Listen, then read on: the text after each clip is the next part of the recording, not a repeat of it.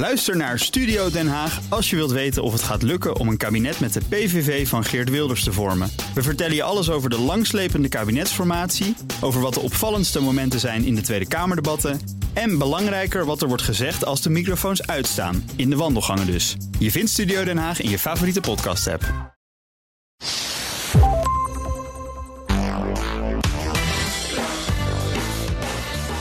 Welkom bij de Ben Tichelaar podcast bij BNR. De podcast over persoonlijk leiderschap. Met elke week tips en inzichten van hele inspirerende gasten die je helpen om je verder te ontwikkelen in je werk en de rest van je leven.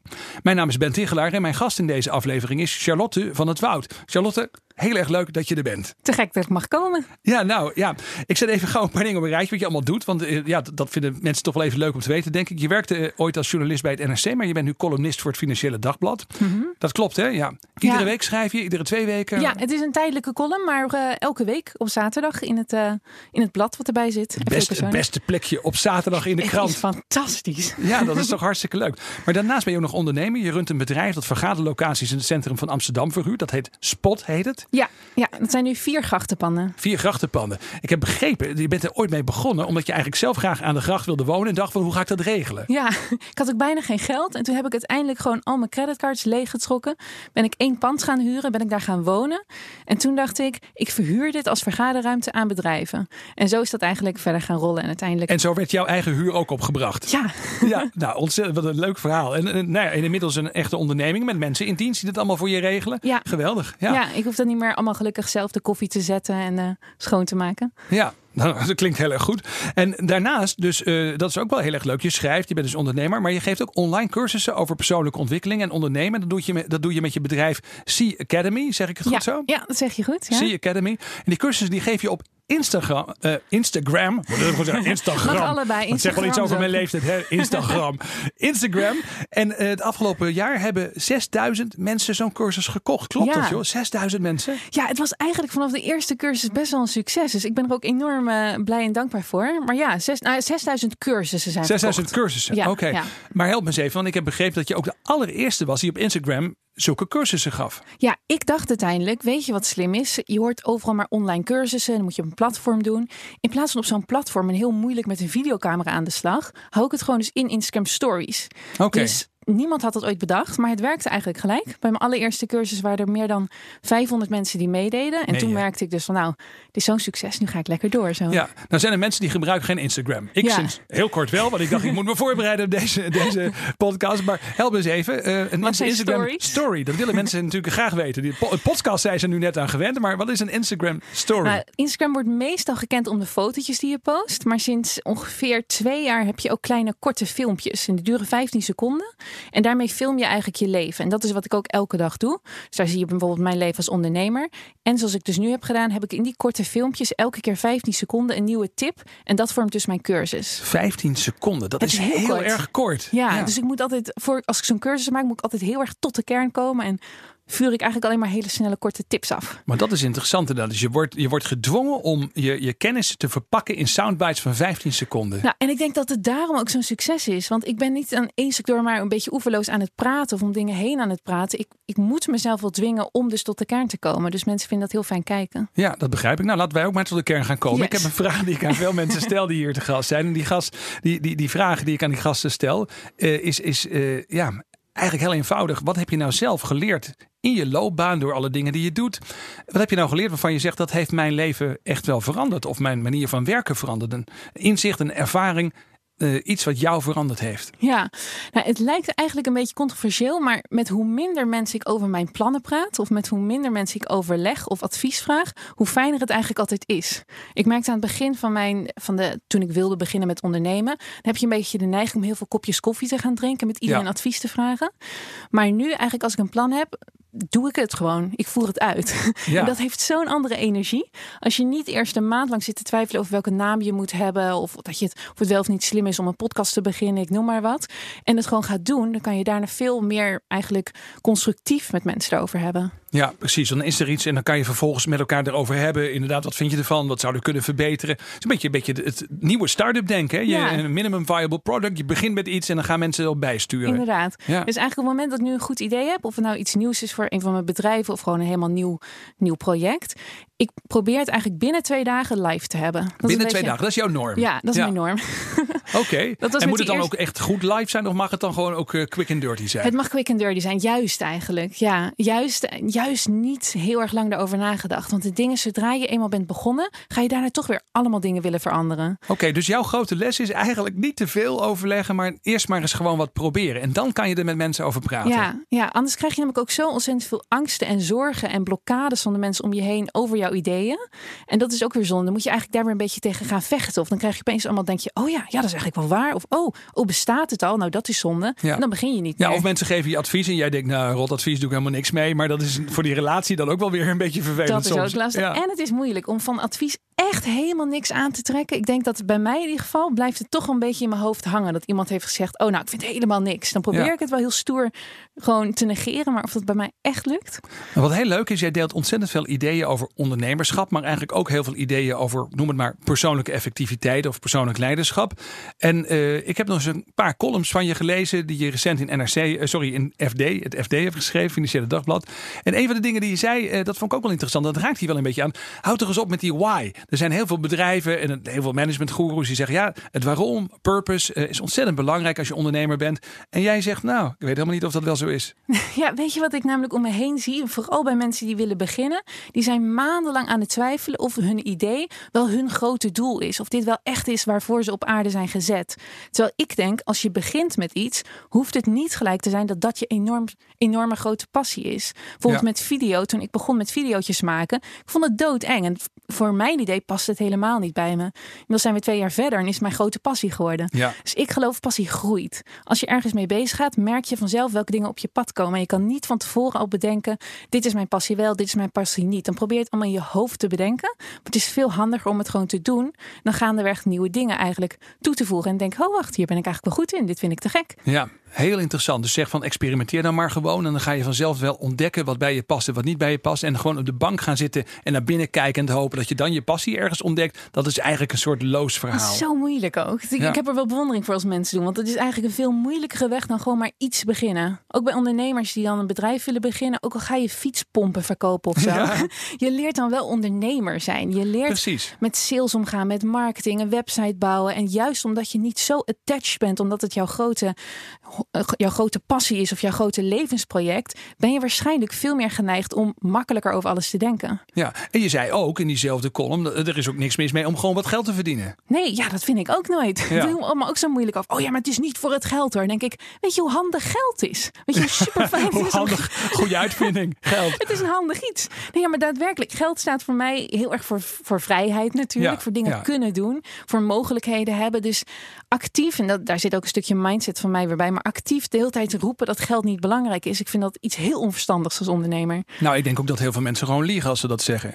Nou, ik denk ook wel dat sommige mensen zichzelf ervan overtuigd hebben. We horen natuurlijk uit onze jeugd ook allemaal verhalen over hoe je over geld moet denken. En als jij je ouders dat altijd hebt horen zeggen, is de kans groot dat jij het ook gaat zeggen. Maar ja, het is niet zo slim. Oké, oké, interessant. Hey, uh, behalve zeg maar uh, aandacht voor geld, zeg je ondernemers moeten eigenlijk ook social, uh, social media gewoon meer aandacht geven. Dus Instagram, waar je zelf groot op bent, maar ook allerlei andere mogelijkheden die er wat dat betreft ter beschikking zijn. Ja. Um, dat zie je nog steeds, dat ondernemers eigenlijk daar te weinig mee bezig zijn. Ja, het is altijd maar die website. Als we het over online hebben, gaan ze altijd over die website beginnen. Terwijl ik denk, ja, die website, daar komen helemaal niet zoveel mensen. Terwijl je hebt een LinkedIn en inderdaad een Instagram of een Facebook of welk platform maar het meeste tot je spreekt.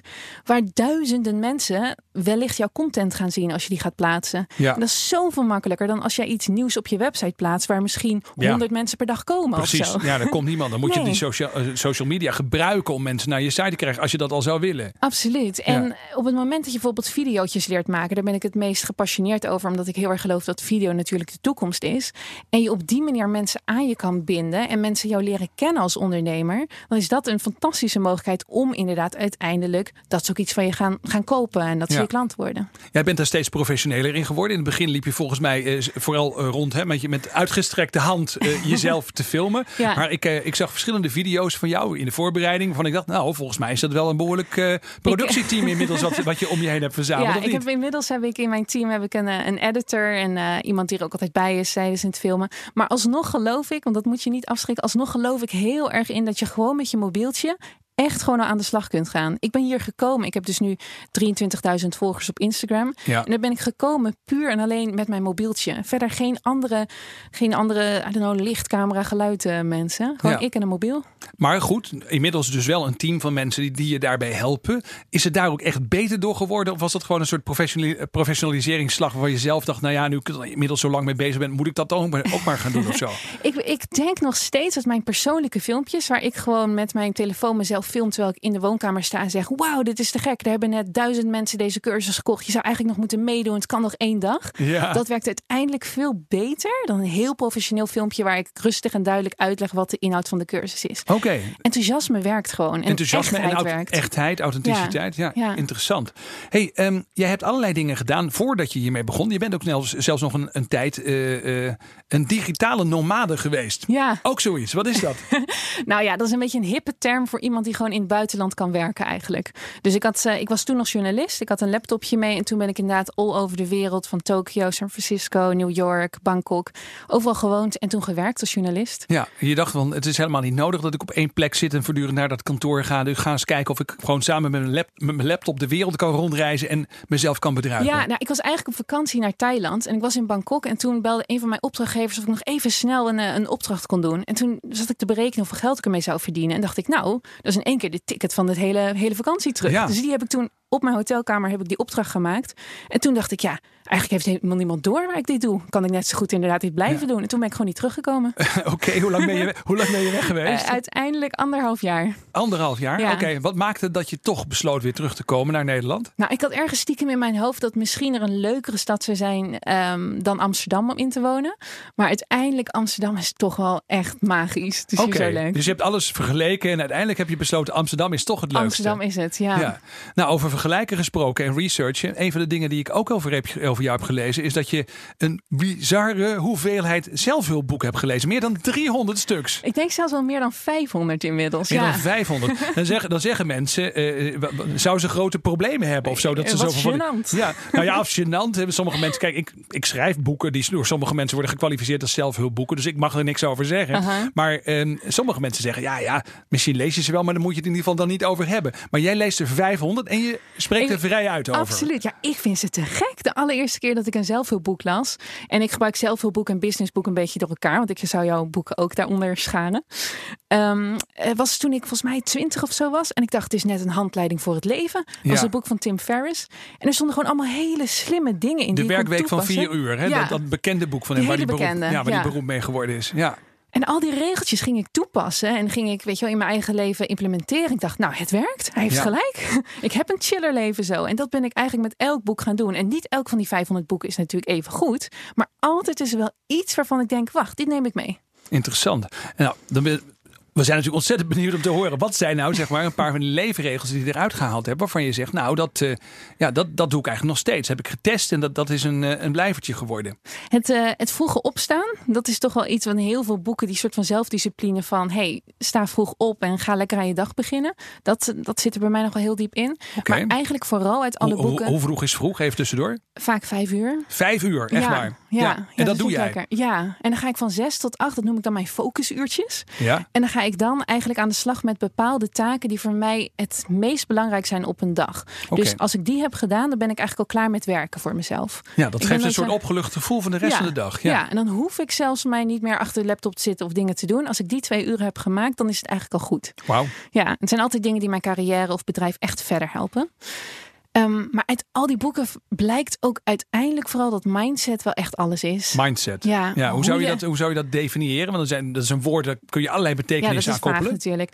Eigenlijk de, de- het totaal van je gedachten, je overtuigingen en de dingen die je zegt. Dus alles hoe jij op een bepaalde manier ergens over praat, bijvoorbeeld. Mhm. Bijvoorbeeld wat net over geld. Als jouw mindset is van je mag niet veel geld verdienen, dan zullen er ook allemaal. Zul je die dingen zeggen, zul je die, die denken en zal je er ook echt van overtuigd zijn dat dat de waarheid is. Maar een hele andere mindset is van het is superleuk om geld te verdienen. Dan zeg je dus ook andere dingen en dan denk je andere dingen. Ja. En op het moment dat jij jouw mindset onderzoekt op een bepaald gebied waar jij een blokkade over wil overwinnen, bijvoorbeeld ik ben altijd te perfectionistisch of ik ben juist heel slordig of het lukt me niet om nieuwe klanten te vinden, moet je dus eerst gaan denken, wat zeg ik eigenlijk altijd tegen mezelf over dit onderwerp? Hoe praat ik erover? Ja, dat is een beetje wat, wat eh, zeg maar in veel vakgebieden noemen ze dat geloof ik een belemmerende overtuiging. Hè? Ja. Of dat je jezelf allerlei dingen aanpraat waar, waar je eigenlijk als ondernemer jezelf mee in de weg zit, zoals je het ook zelf zegt. Volgens mij zijn ondernemers op het moment dat ze niet groeien of op het moment dat het niet goed gaat, ben je eigenlijk altijd sta je jezelf in de weg. Dat is volgens mij de kern van heel ondernemerschap. Je bedrijf kan zo snel groeien als dat jij daadwerkelijk toestaat om het te kunnen laten groeien. Dat jij snapt waar je het heen moet brengen en dat jij ook ehm, het plan ervoor hebt en de visie ervoor hebt. Dus elke keer als ik wil groeien, dan trek ik me eigenlijk altijd even twee dagen terug om gewoon helemaal te gaan onderzoeken welke blokkades er zitten op een bepaald vlak. En dan pas met een plan van aanpak te komen. Dat is interessant. Dus je zegt eigenlijk als ondernemer eh, ben je zelf de grootste blokkade voor de groei van je onderneming. Daar, Ja. daar staat of valt het mee. Ja, dat vind ik echt. Ja, want als jij zelf uit een bepaalde visie die de hele tijd jou heeft gediend, maar beslissingen blijft maken, maar er verandert niks, dan moet dus jouw gedachten, die moeten eerst veranderen over dat onderwerp. Ja. Heel interessant, leuk. Kun je eens een voorbeeld geven? Iets wat zeg maar bij jou dan veranderd is in je denken, waardoor je op een gegeven moment bijvoorbeeld eh, als ondernemer een stap vooruit hebt kunnen zetten? Of misschien een observatie bij iemand anders? Bij mij was het heel erg, bijvoorbeeld, ehm, ik, ik heb een team inmiddels. Het zijn er nu, nu twaalf. Niet iedereen is een vaste dienst, maar vier, eh, vier in vaste dienst. En bij mij zat, zoals bij heel veel ondernemers, nog heel lang dat ik dacht, een team is alleen maar eigenlijk meer gedoe of moeilijker. Ja. En op het moment dat ik ben gaan onderzoeken hé, hey, waarom denk je dat? Waarom zeg je zulke dingen? Eh, van wie hoor je dat om je heen? Kan je misschien je mening erover gaan veranderen? Ben ik dus heel erg actief gaan zoeken naar mensen die zeiden, een team is te gek. Een team is fantastisch. En zo ben ik zelf dus eigenlijk mijn gedachten over een team gaan veranderen.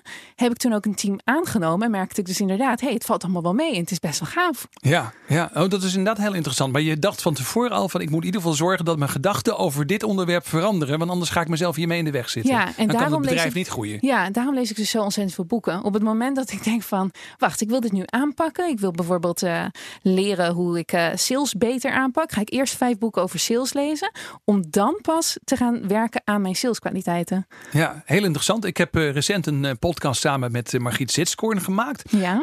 neuropsychologe. En die zegt dat het ontzettend belangrijk is dat je dus een bepaald breindieet als het ware voor jezelf bepaalt. Dus wat je in je hoofd stopt bepaalt in hele hoge mate ook waar je aandacht vervolgens naar uitgaat. En hoe je dat dan vervolgens ook vormgeeft wellicht in je leven. En zij zegt je moet heel gericht kiezen wat je in je kop stopt. Dat is Nou. eigenlijk wat jij doet. Dat is Ja. inderdaad precies eh, Ja. wat, wat ik eigenlijk doe. Ja, dat verwoordt ze mooi. Ja, interessant. Zeg, ehm, persoonlijk leiderschap, ondernemen, daar praten we over met elkaar. Er zijn natuurlijk ook dingen waar mensen eh, van denken, ja, dat is allemaal waar en dat is belangrijk. En, en daar heb jij misschien wel van ontdekt dat het een mythe is juist. Wat is nou een, een populaire gedachte waarvan jij denkt of zegt, ja, op basis van mijn eigen ervaring moet ik toch zeggen, dat, dat werkt gewoon domweg niet. Nou, er zijn toch wel heel veel mensen die zich nog best wel erop laten voorstaan dat ze perfectionist zijn. Of dat ze heel erg op de details letten en dat daarom allemaal zo goed werkt. En dat is volgens mij wel een van de meest hardnekkige mythes eh, die je zo snel mogelijk moet laten varen. Perfectionisme is naar mijn inzien echt eigenlijk het tegenovergestelde van efficiënt bezig zijn en doorgaan. En op het moment dat jij eigenlijk voor de laatste, je bent op 80% van je werk, je denkt nog, ik moet nog 20% afmaken en dan is het pas echt goed. Die laatste 20% die zou je eigenlijk moeten laten varen, want die duurt het langst. Daar maak je Ja. het meest zorgen over. En soms zorgt die laatste dat laatste stukje ervoor dat je weer alles helemaal opnieuw gaat overgooien, eh, omgooien en wil veranderen. En er zit gewoon heel veel onzekerheid. En als mensen iets meer zouden doorhebben dat perfectionisme gewoon eigenlijk heel vaak te maken heeft met faalangst. Dat je bang bent dat op het moment dat je het daadwerkelijk echt naar buiten brengt, dat er dan dat het niet goed gaat of zo. Ja, ja, ja. En dat, ja, dat, dat zou ik, eh, dat is eigenlijk een van de grootste mythes. Elke keer als ik iemand hoor zeggen, oh, maar ik ben een perfectionist, dus ik moet nog even door, dan zou ik proberen te zeggen nee. ja. Of mensen die het niet van zichzelf zeggen, maar er wel zijn. Die dus Ja. voortdurend altijd bezig zijn om de laatste puntjes nog op de i te zetten. Ja. Ja. ik was het vroeger ook hoor. Hoe het bij mij eigenlijk over is gegaan door te beseffen dat ik dacht van, wacht eens, mijn 100% helemaal goed en helemaal af, dat is niet een objectief begrip. Voor Mhm. iemand anders is wat ik 100% goed vind, misschien nog maar 50% goed. Of al 300% goed. Dus bijvoorbeeld op het moment dat ik nu, nou ik noem maar wat, een vergaderruimte binnenstap. Ja. En ik vind mijn eigen vergaderruimte 100% prachtig en goed. Ik zeg nou, dat is het mooiste wat er maar kan zijn. Maar dan komt er misschien een concurrent, ik weet niet, uit New York of zo. En die loopt mijn vergaderruimte binnen en denkt, nou, als ze dit 100% goed vindt, voor mij nog lang niet. Het is maar 30% goed. En voor iemand die misschien net is begonnen met de vergaderruimte. Is mijn vergaderruimte al tien keer mooier dan ze ooit zouden kunnen doen. Ja, dus, dus het idee dat er een soort objectieve maatstaf is die je is altijd moet halen. Ja, Ja. dat, is, dat is onzin, zeg je eigenlijk. ja. Ja, hey, dat is, dat is hele, hele opluchting dat je zo tegen het leven kunt aankijken. zeg, ehm, ik heb een eh, verrassende vraag voor iedere gast. En dat is een vraag waarbij het gaat om eh ja, eh, 15 genummerde enveloppen. Waarbij je een nummer moet kiezen, van 1 tot en met 15 dus. En dan gaan we kijken welke vraag erin zit. Ik ben heel benieuwd. Nee, ik vind het spannend. Maar Ja. kom maar op. Nou, noem maar een nummer. Oké, eh, acht. 8. Ik ga eens even kijken. Oké. Maak hem even open. Ja. Ehm, oh, dit is leuk, ja. Hey, als je, moet als je moet stoppen, als je zou moeten stoppen met het werk dat je nu doet, welk beroep zou je dan kiezen? Dus je, je moet morgen opnieuw beginnen. Welk beroep zou je kiezen? Het mag niet hetzelfde beroep zijn. zeg ik er even, voeg ik er even aan toe. Nou, ik probeer bij mezelf altijd te, te zeggen dat ik gewoon een, een ondernemer ben die niet per se heel erg hangt aan de bedrijven. Dus het zou voor mij niet eens heel erg zijn als nu een van mijn bedrijven weg zou vallen. Dan denk ik, oh, dan begin ik gewoon weer een ander bedrijf. Maar als ik echt helemaal geen ondernemer meer mag zijn, dan denk ik toch mijn oude beroep wat ik vroeger altijd wilde worden. En dat was pretparkdirecteur. Pretparkdirecteur. Ja. Ja, lijkt me zo'n vrolijk leuk beroep. Lijkt me een verschrikkelijk beroep. Oh, lijkt me zo leuk. Ja. Al, die, al die blije mensen en dan moet je allemaal dingen regelen. Ja. Leuk. Oh, ik ben bang dat ze bij mijn pretpark wel vooral zouden klagen. Maar goed, dat is, eh, ja, maar goed, dat is net hoe je in elkaar zit. Zeg, hey, eh, tot slot, jouw mediatip. Eh, ik vraag aan iedere gast, is er iets, behalve natuurlijk deze podcast en de dingen die jij schrijft, eh, waarvan je zegt, nou, dat moet je lezen. Dat is zo'n goed boek. Of die podcast, of eh, eh, die film, die film moet je kijken. Wat, Ja. wat, wat Ja, ik heb een documentaire waar ik helemaal verslaafd aan ben. En dat is I'm Not Your Guru Ja? van Tony Robbins. Die staat op Netflix. Eh, ja, ik vind hem te gek. Dat was voor mij de eerste introductie eh, voor Tony Robbins. En dat is een hele grote Amerikaanse soort van positiviteitsgoeroe of, Ja. of coach. en die vind ik heel goed. En nu net is er ook van Bill Gates. Inside eh, Bill Gates Head, geloof ik. Oké. Die staat ook op Netflix. Die is ook fantastisch. Dus gewoon op Netflix te vinden. Ja, Tony heel Robbins, Bill Gates. Ga even zoeken. En, dan, eh, en wat heb je eruit gehaald? Waarom, moet, waarom moeten we dat kijken of luisteren? Nou, Of bij Tony Robbins was het voor mij. Hij is heel erg bezig op die mindset. Dus hij heeft mij daar heel veel over geleerd. En na het kijken van die documentaire, dat is eigenlijk een, een verslag van een van zijn seminars die hij Mhm. over de hele wereld houdt. Ben ik onmiddellijk naar eh, vier van zijn seminars gegaan. Vier maar liefst. Zo. ja, hele wereld rondgevlogen. Zo onder de indruk was ik. En bij mij heeft dat er toen ook heel erg voor gezorgd dat ik opeens besloot: weet je, alles waar ik nu zo ontzettend moeilijk over denk, als je eerst je mindset aanpakt, dan kan je eigenlijk bijna alles aan. Ja, Dus ja, heel interessant. Dankjewel. Heel erg bedankt, eh, Charlotte, dat je hier gedaan. wilde Leuk zijn vandaag. was. Ja. dankjewel. Nou, dit was de Ben Tichelaar podcast bij BNR met als gast Charlotte van het Woud. Vond je dit interessant? Check dan ook mijn andere podcasts op www.bnr.nl slash Tichelaar. Ook Hugo Reitsma vind je in de BNR-app. Superhandig die BNR-app. Je kunt alle programma's live luisteren, breaking nieuwsmeldingen. Je blijft op de hoogte van het laatste zakelijke nieuws. En je vindt er alle BNR-podcasts, waaronder natuurlijk de belangrijkste, Boeken zijn in de wijk. Download nu de gratis BNR-app en blijf scherp.